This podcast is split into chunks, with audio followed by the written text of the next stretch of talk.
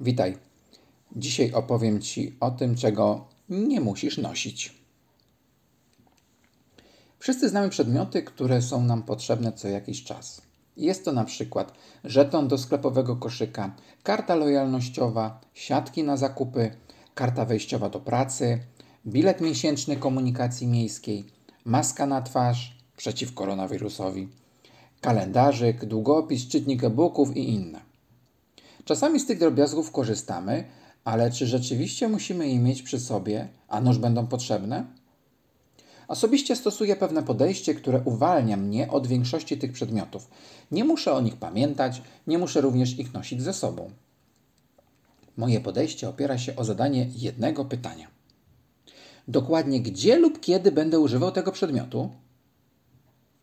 Odpowiedź powinna być bardzo dokładna.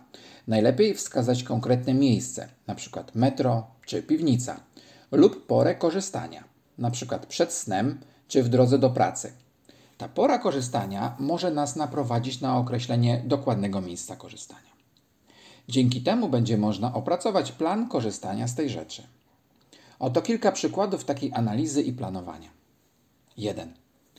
Żeton do sklepowego koszyka. Korzystam z niego w sklepie, a do sklepu zawsze jeżdżę samochodem.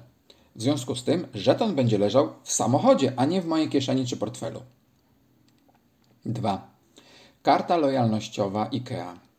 Podobna sytuacja jak z żetonem. Do IKEA zawsze jeżdżę samochodem, więc również ta karta będzie czekała w samochodzie. 3. Bilet miesięczny czy karta wejściowa do pracy. Korzystam z nich jedynie w drodze do i z pracy. Wtedy zawsze mam przy sobie plecak.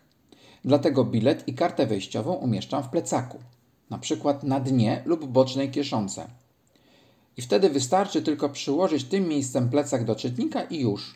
Dzięki temu nie muszę o nich pamiętać, wystarczy, aby pamiętać o plecaku. 4. Maska na twarz. Teraz w czasach pandemii musimy zakładać w niektórych miejscach maski na twarz. Wystarczy kupić ich kilka i rozłożyć w miejscach, gdzie bywają one potrzebne, na przykład w plecaku, czy koło siatek z zakupami, czy w samochodzie. Mam nadzieję, że już rozumiesz moją zasadę. Generalne podejście wiąże się z umieszczeniem przedmiotu dokładnie w tym miejscu, gdzie jest on nam potrzebny. Czasem trzeba rozłożyć kilka tych samych przedmiotów w kilku miejscach. Jednak to tylko część metody, ponieważ aby była ona jeszcze bardziej minimalistyczna, można przemyśleć, czym daną rzecz zastąpisz, jeśli jej nie będziesz mieć w określonym miejscu.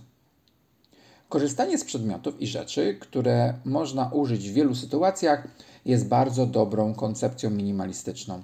Dzięki temu ograniczamy zagracenie przestrzeni, a i tak możemy robić nadal to samo co wcześniej. Podam przykład, aby lepiej unaocznić podejście. Sytuacja jest następująca. Wchodzisz do sklepu i uświadamiasz sobie, że nie masz monety ani żetonu, aby odpiąć koszyk zakupowy.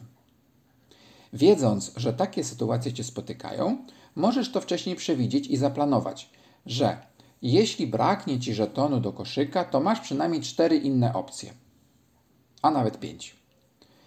Poprosisz partnera o monetę, albo poprosisz kasjerkę o żeton, albo znajdziesz odblokowany koszyk, albo weźmiesz mały koszyk bez żetonu, albo będziesz pakować do własnej siatki. Reasumując, minimalizowanie ilości drobiazgów, jakie nosimy ze sobą, wymaga dwutorowego podejścia. Najważniejsze to określić, gdzie dany przedmiot będzie Ci potrzebny i go tam umieścić. Jeśli to możliwe, ustalasz również, czym możesz go zastąpić. Ok, dziękuję za uwagę i do usłyszenia.